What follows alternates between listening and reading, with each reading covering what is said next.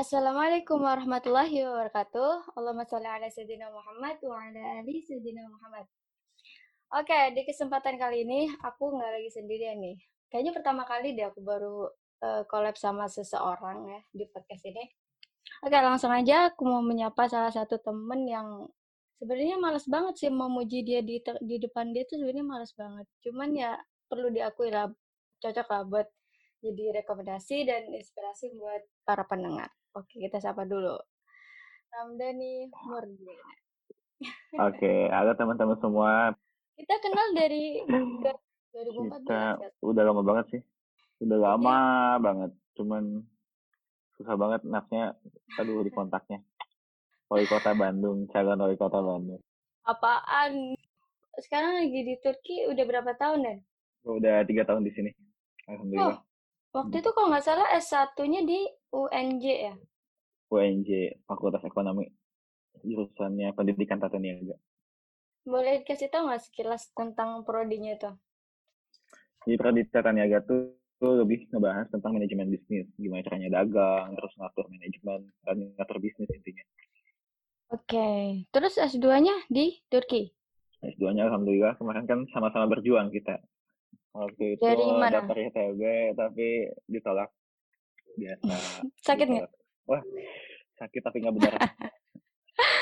Oke. Okay. Tapi kamu bukannya di UNJ bukan sih? Iya di pesantren salah satu pesantren Turki.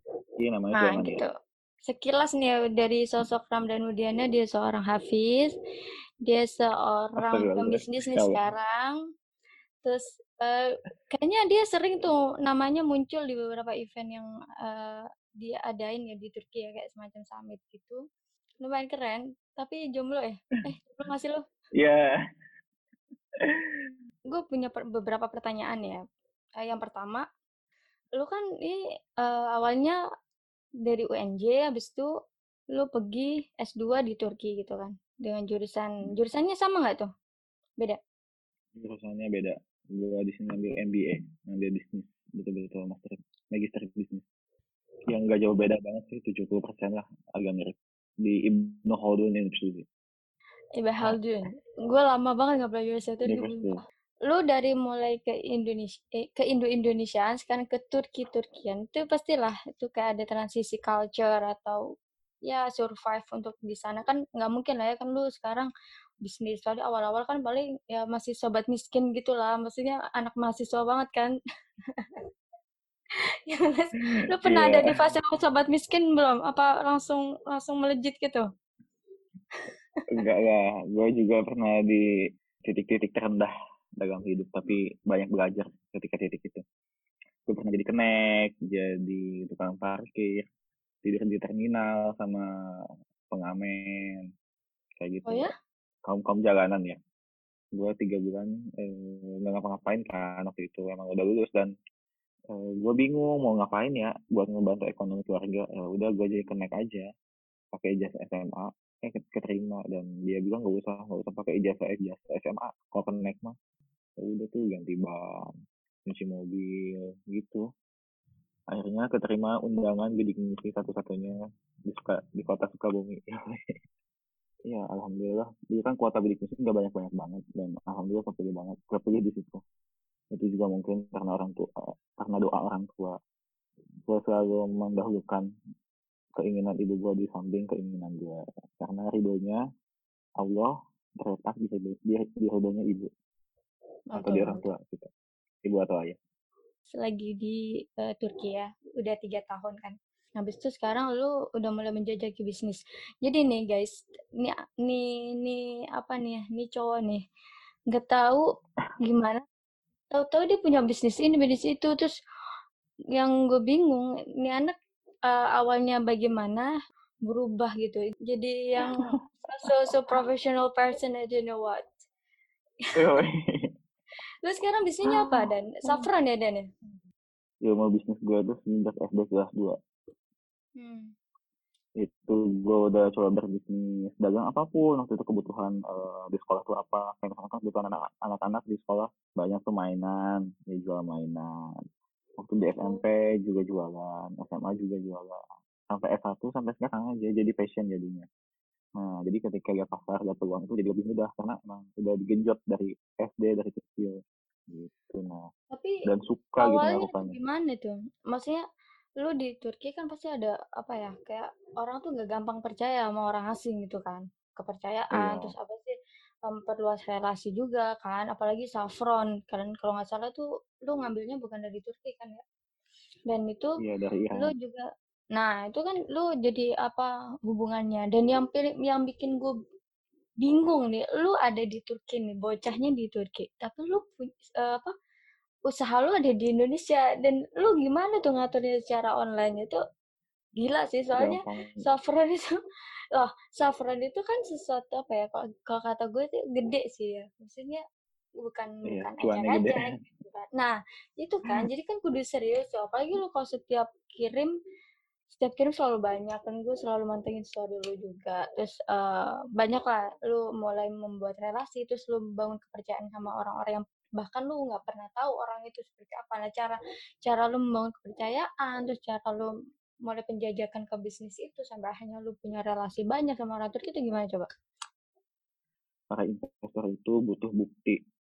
Kita dikasih project ini bisa nggak eh, kita selesaikan dalam waktu singkat. Karena permainnya adalah singkat, cepat, kualitas, dan kuantitas. Jadi waktu itu gue buktiin ke dia bahwa oke, okay, uh, gue bisa sebetulnya penjualan 3 kilo 5 kilo dalam satu bulan. Kalau misalkan saya ber, saya berhasil penjualan 3 kilo sampai 5 kilo, saya akan ambil saham di sini. Dan kamu mesti menjual sahamnya kepada saya. Ya udah waktu itu kita uh, bikin satu grup di Indonesia satu tim uh, dibagi dua tugas saya tim di sini kalau yang di Indonesia tim bagian selling tapi semua ide penjualan ide pemasaran iklan segala macam itu kita pikirin sama-sama. Makanya kemarin itu diliput sama beberapa media terus masuk juga di endorsement endorsement itu gue baru baru pernah baru pertama kali cobain endorsement ketika main di Saffron. Karena emang produknya uh, betul-betul worth it lah untuk di endorse sama beberapa artis. Sampai pernah tuh range 500 ribu sampai 7 juta sekali endorse nah dari situ alhamdulillah penjualan meningkat dan gue buktiin ke uh, pemilik perusahaannya kan ini saya bisa kerjakan semuanya dan dia menilai seperti ini CEO-nya langsung. Bagus Dani katanya pekerjaan kami yang satu minggu harusnya kami kerjakan tapi di tangan kamu bisa dalam satu hari. Katanya gitu. Nah dari situ kan dia percaya dan kesepakatan menjual sahamnya eh, dipenuhi. Ya udah dari situ kita ambil sahamnya dan kita kelola dan buka kantor di Indonesia. Nah ketika nyampe Indonesia pun aku nggak mau salah milih orang. Karena ini kan sebuah tanggung jawab ya. Jadi aku milih waktu itu temen eh, selama S1 aku.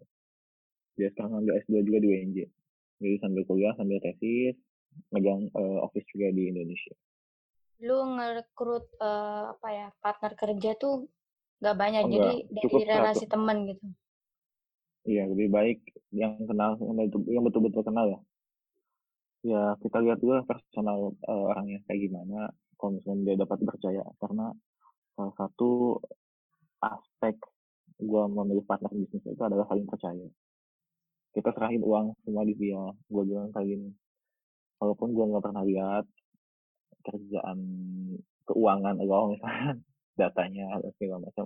Maksudnya dalam bentuk cash atau atau transfer. Karena kan bisa aja dia menjual di balik apa kontrak yang udah pernah kita bikin sama customer. Walaupun gue nggak ngeliat tapi Allah Allah ada di mana pun Allah melihat apa yang dilakukan. Dan lihat berkah itu akan didapatkan ketika kita jujur. Dan dari situ aja konsep yang gue tanamin ke partner gue semuanya pokoknya tidak boleh melenceng dari agama karena agama itu hukum yang mengatur tentang kehidupan.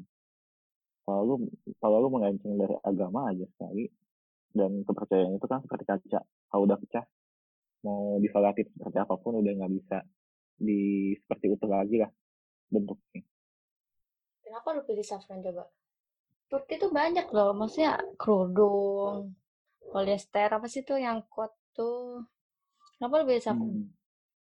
Nah, beberapa uh, analisis peluang itu pertama adalah yang jarang orang punya tapi laku penjualan banyak penjualan sekarang jilbab saingannya bisa jadi 100 orang penjualannya emang laku cuman misalkan penjual eh, pembelinya cuma ada seribu orang seribu bagi 100 berarti satu penjual minimal 10 tapi kalau saat karena masih jarang untuk tahun ini dan tahun kemarin alhamdulillah penjualannya juga bagus makanya kita investasi aja di situ. Dan ada motifnya. Karena gue pernah gue pernah usaha jilbab juga sendiri sendiri jilbab sampai numpuk tuh. Karena ternyata ada yang e, eh, gue juga belajarnya ketika menyelam. Jadi sambil menyelam minum air. Itu ternyata bisa diterapkan di bisnis. Yang gue pernah tahun lalu cobain ternyata pembelinya ada yang minta ungu lah ada yang minta motifnya sedikit kayak gini sedikit kayak gitu. Dan di situ ternyata kita mesti lebih detail lagi kalau misalkan mau bisnis fashion nggak semua orang tuh suka cocok-cocokan gitu. Aduh, ini gue setuju banget, ini gue setuju banget.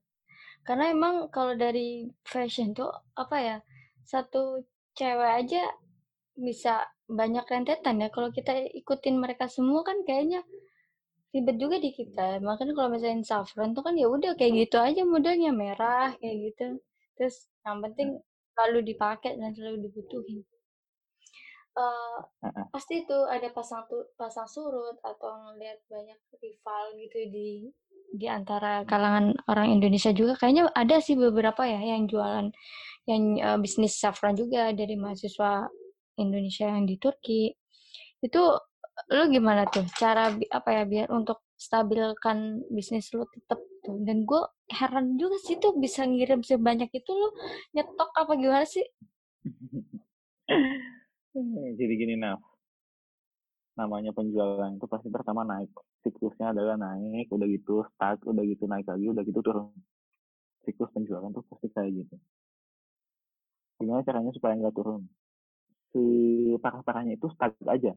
Jadi nggak naik nggak turun. Itu caranya kita mesti ada inovasi. Makanya inovasi itu dibutuhkan, baik segi penjualan maupun dalam segi produk waktu itu emang banyak banget yang sebelum covid ya. Malah banyak saingan-saingan kita. Penyerap-penyerap kita juga banyak. Bahkan sistem penjualan pun sistem endorse pun mulai di copy sama mereka. Bayangin aja satu artis dipakai dua produk yang sama. Ketika kita ketika kita uh, apa endorse dia. Dari situ kita inovasi dulu di produk ya udah kami coba di 0,5 ketika betul-betul banyak yang copy paste dari sistem penjualan kami. Dan packagingnya pun kami nggak sembarangan. Emang sengaja nggak pernah ngambil di Indonesia packagingnya. Karena kalau di Indonesia udah pasti di copy copy copy lagi. Kami semua packaging kami dari Istanbul. Kita bikin di hmm. Istanbul kita cetak di Istanbul kita kirim jadi sekali sebulan sekali itu ada 300 kilo 500 kilo buat ngirim packagingnya aja. Gitu. Supaya packaging kami itu emang satu identitas. Sekarang itu identitas kalau misalnya di bisnis herbal kayak gini atau bisnis produk kayak gini yaitu packaging. Tapi kalau misalnya di makanan bentuknya identitasnya ada rasa. Kalau misalkan di fashion itu branding. Misalkan Robani. Ya Robani terus saja semua jabatannya ada ada logo Robani ada ada brand ada Nike misalkan Nike semua gitu kan kalau makanan misalkan apa ya, ya. iya gue sekarang aduh sebenarnya gue udah udah di passion itu di bidang passion itu udah udah begitu mendalami cuman sayangnya ternyata lu mesti punya ribuan motif untuk 10 pelanggan lo hmm. bayangin aja 10 pelanggan mesti ada ribuan motif karena cewek itu sukanya memilih memilih apa sih pegang Apaan bang, maksudnya pegang lo? Yang merah ada kak. Yang putih ada kak. Pala gue deh pala gue dipakai deh. Ya, tapi bener juga sih lo ya bener. Gimana nih uh, apa lu cuma lagi fokus karir apa gimana nih ke depannya lu gue mau nanya dulu nih tentang peribadian lu nih. Sebagai jadi lagi berusaha menjadi sultan. Tapi nggak dengan semuanya dengan membangun uh, apa dua rakaat sebelum subuh maksudnya Buru hilang itu doinya. Iya, gua juga tuh belum udah nikah dulu kali. Itu lancar mah nikah, ngapain lu? Ngapa jadi nimpalin ke gua lu? Kan sekarang lu yang gua undang apa lu ngingetin gua? Oke, krite kriteria lu kan sebagai pembisnis kan pasti ngati-ngati tuh nyari, eee, pasangan udah lu nanjak-nanjak gitu, pengennya tuh dapat yang partner di Oh. mana bisa jadi teman hidup juga, teman berjuang. Hmm. Mungkin Mbak siapa tadi itu? Mbak siapa? Jadi lu yang apa kepercayaan lu tadi? Kali kali kan kan bebas gue ini podcast podcast gue mau ngomong apa juga bebas. Siap. Jadi kalau misalkan pandangan gue nyari se seorang pasangan itu pertama pasti yang sevisi. Dan saling dukung apa pun usaha pasangannya. Hmm. Mau dia ya tapi tidak tidak ada takaran bahwa keuntungan itu menjadi salah satu tujuan.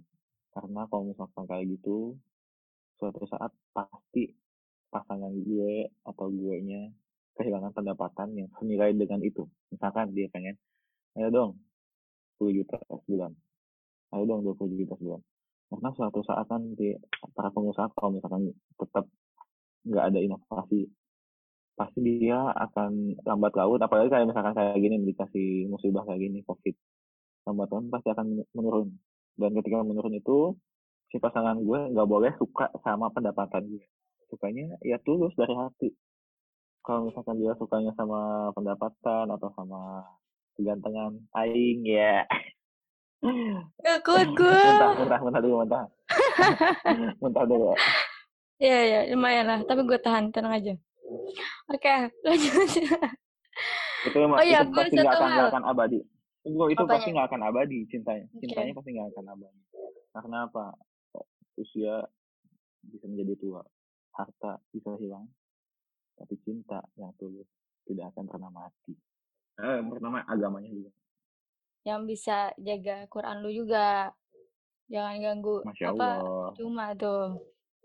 Lu udah bangun-bangun sedemikian hingga Eh, kalau misalnya kita melibatkan Allah dalam setiap hal, insya Allah rezeki ada aja dari mana aja. Iya, 2019 itu dari situ gue mulai perbanyak sunnah-sunnah. Ya, sholat sunnah, hobias sunnah, ba'diyah sunnah, terus pokoknya gue coba penuhi rukun Islam. Kan ada lima. Mm-mm. Coba apa aja lu apa enggak? Tit, lima gitu. Haji. Apa? Yang satu apa? Yang satu apa? Ah? Syahadat. Heeh, yang kedua Ngapa lu jadi teka-teki ke gua lu? Tapi ada ya, ada ada poin-poin dari itu ya, dari Gak poin apa-apa, tamu-tamu siapa? jadi digarap gini ah. Oke, Tunggu, lanjut lanjut. Gue mau jelasin. Ada empat ada ada lima rukun Islam. Mm-mm. Oke. Sebetulnya kalau misalnya setiap hari itu bisa dipenuhi itu lebih baik. Karena setiap setiap rukun Islamnya itu memiliki makna baik dari kehidupan di dunia maupun di akhirat. Kalau misalkan rukun Islam yang kelima naik haji juga mampu kan. Artinya kalau misalnya kita bisa memenuhi empat rukun Islam setiap hari, syahadat, sholat, puasa, zakat, sedekah. Insya Allah lah, eh, kalau pandangan gue ya, kepercayaan gue, itu akan ngebantu banget di kehidupan kita, mau baik di dunia atau di akhirat. Yang pertama, kadang ada orang yang uangnya banyak tapi hidupnya nggak tenang, hatinya nggak tenang. Dikejar-kejar terus sama dunia, aduh kayak gini kayak gini. Tapi itu diobatin sama apa? Sama puasa, menahan. Tahan nafsunya, tahan nafsunya. Jadi pembisnis pun mesti mikir, baik pembisnis atau orang biasa, mesti matang-matang membuat keputusan. Misalkan keputusan, ya gue ambil kampus ini atau enggak? Gue ngambil beasiswa ini atau enggak? Gue daftar YTB atau enggak? Terus atau gue beli eh, investasi di saham atau enggak? Investasi di properti atau enggak? Itu semua mesti dipikirkan matang-matang. Karena satu keputusan yang salah, ke sananya bisa jadi salah terus-terusan atau kita mesti memperbaiki keputusan itu. Gitu. Nah, di empat rukun yang tadi kita coba terapkan lah setiap hari. Karena kan rukun yang kelima naik haji itu nggak bisa mu- mungkin sampai saat ini belum bisa dilakukan setiap hari kecuali yang di Arab loh di Arab juga nggak bisa naik haji Mhm. tiap tahun gitu nah itulah salah satu tips kenapa oke lu kayak kita misalkan bilang oke cuan lu lumayan banyak tapi hati lu nggak tenang sama aja Yang paling Hmm. enak tuh ya semuanya tercukupi, baik kebutuhan batin sama lahir. Siap, siap. Tuh. Itu moto lu berarti ya, moto lu selama ini ya. Oh, iya. Penerapan syahadat apa penerapan rukun Islam ternyata sedalam itu ya. Gua gua baru kepikiran. Iya, gue juga ya dari situ lah gue banyak perubahan. Nggak nggak cuma usaha doang yang kita lakuin, tapi dibarengi dengan doa. Gue mau nanya nih, selama ini gue pendem terus. Wali kota artinya apaan sih? gue tuh cita-citanya pengen jadi wali kota. Nah, D. Oh, wali kota itu wali kota. Kupikir bahasa Wali Jerman, kota. bahasa Turki, kayak apa kayak. Ternyata dari wali kota. Oh, lu cita-cita wali kota pantesan lu foto aduh. Eh, ini buat pendengar ya. Eh, mungkin belum yang belum tahu sosial medianya nih anak nih. Eh, bisa di follow, tolong. Silakan yang mau kalau mau ngomong, yang mau nanya-nanya tentang dia Yoi. dan apa. Instagram apa namanya? Namanya at Wali Kutai. Wali Kutai. Pakai Y Ya. belakangnya. Lambangnya burung salah. Eh, Nambahnya serigala. Wow. Tapi udah ganti lah sekarang. Udah oh. ganti foto gue, foto ini gue apa namanya? Foto kampanye gue. Dan terus lu waktu itu pas lagi lu masih di kampus ya, masih di kuliahan, lu suka main bumerang tuh. Itu ada filosofinya gak sih lu ke mana-mana bawa bumerang? Oh, bumerang itu. Jadi waktu mata kuliah inovasi bisnis, gue carikan satu produk tapi mengangkat budaya Indonesia. Kemarin tuh gue Oh. dapet eh, pengrajin, pengrajin di Indonesia, Peng- pengrajin bumerang gitu. Cuman nggak begitu famous. Tapi sekarang ketika gue masuk, ketika gue kasih sedikit, bukan sedikit sih, sharing, ketika sharing, gue pengalaman gue ini pak. Jadi kalau misalkan bapak bikin produknya kayak gini, packaging kayak gini, pengiriman kayak gini, terus oh segala macam dah. Insya Allah eh, penjualannya lebih meningkat. Sampai sekarang alhamdulillah juga meningkat penjualannya. Gitu. Nah dari situ gue minta inovasi-inovasi dibentuk karena yang bentuknya tradisional itu sudah diterima sama masyarakat. Gitu. Jadi kemarin tuh kita mau bikin bikin yang logo ada logo kampus ada logo Airbnb tapi bisa. Bisa balik lagi semua. Ada logo elang macam hewan-hewanan gitu gagak segala macam. Tapi kan kalau gue kan bukan ahlinya. Semua semua pembisnis tuh nggak nggak harus ahli ahli membuat produknya nggak usah nggak usah. Jadi misalkan produknya makanan emang pembisnisnya mesti, mesti koki kan nggak usah. Atau misalkan dia Ada punya rumah sakit yang punya rumah sakit adalah pembisnis apakah Ada. pembisnis itu mesti dokter? Lulusan SD juga bisa. Eh, Satu tapi pegawainya S3 banyak. nah gitu kan. Jadi nggak nggak harus. Jadi lo nyari passion itu nggak harus yang satu jalur dengan jurusan mata kuliah atau eh, fakultas yang lo ambil nggak kok nggak kayak gitu Kan orang Andai biasanya ada tuh yang nggak punya modal. Ayo, yang nggak punya modal, seharusnya dia harus kudu eh, ngelamar kerjaan di perusahaan A, B, C gitu. Atau dia suka bisnis nih, dia nggak suka ditekan nih misalnya. Nggak suka di-push sama peraturan atau rule 8 to 5. modal itu nggak cuma bentuknya uang saya juga invest eh, apa link komunikasi. Partner gue nggak nggak pernah nanyain lo pendidikan S1 nya apa S2 nya apa prestasinya apa? Semua pembisnis itu nggak butuh seper- seperti itu menurut gue ya di pandangan gue ya. Tapi bukan artinya pendidikan itu salah. Kalau pendidikan itu salah gue ngapain dong di sini? Gue mau, mau ini mau mancing. pendidikan itu benar benar sistemnya. Tapi bagaimana kita menerapkan ilmu yang pernah kita eh, pelajari? Gitu. Kadang ada yang tujuannya cuma buat nilai doang pemahamannya kurang. Nah, sekarang lebih baik fokus pada pemahaman sama praktik di lapangan. Karena kalau misalkan tujuan kita buat dapetin nilai doang itu hanya sebuah angka Mbak. Eh, angka. Experience ya, the best teacher. Ya, buku tulis. Lu punya ini kan, ya, Ingat. punya channel kalau nggak salah lu. udah nggak pernah aktif Ya, bagus sih gue kalau lagi gabut ngedengerin tuh kegabutan lu di YouTube segitu demennya lu sama jengkol Iya. Nah, kalau gue tinggal di sini, semua orang, gue yakin sih semua orang Indonesia yang tinggal di di luar negeri pasti rindu banget masakan Indonesia. Walaupun itu sepete atau jengkol atau teri atau ikan asin. Atau tempe bahkan. Uh, itu tuh susah banget sih. Tempe di sini berapa tau gak? Sekitar tujuh puluh ribu satu kilo. Di Itu Indonesia ada mungkin pasarnya 80 tuh. Ada, ada yang bikin tempe. Karena permin karena karena permintaannya ada. Coba jual sesuatunya sesu jual sesuatu itu yang sudah ada per permintaannya. Itu lebih mudah. Dan lu niatan lu tinggal di negara orang sampai kapan? Sampai tahun depan. Ya, tahun depan kan gue udah selesai juga pendidikan di sini. Udah pulang langsung. Udah gitu lanjutin perusahaan gue yang di Indonesia. Berapa orang cuma sekarang bisa lihat dari dari ada 4 kecil sih karena kita basicnya base online.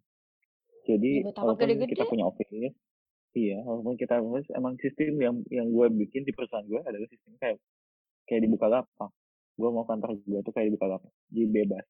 Pakaiannya bebas segala macam. Pokoknya ngebebasin eh, karyawan gue dengan passionnya mereka masing-masing. Jadi yang penting eh, gue bisa mantau mereka dari CCTV. Oh iya, Udah gue baru ingat. dan Selain Saffron, itu lu juga bisnis travel, kalau nggak salah lu. Ya kan?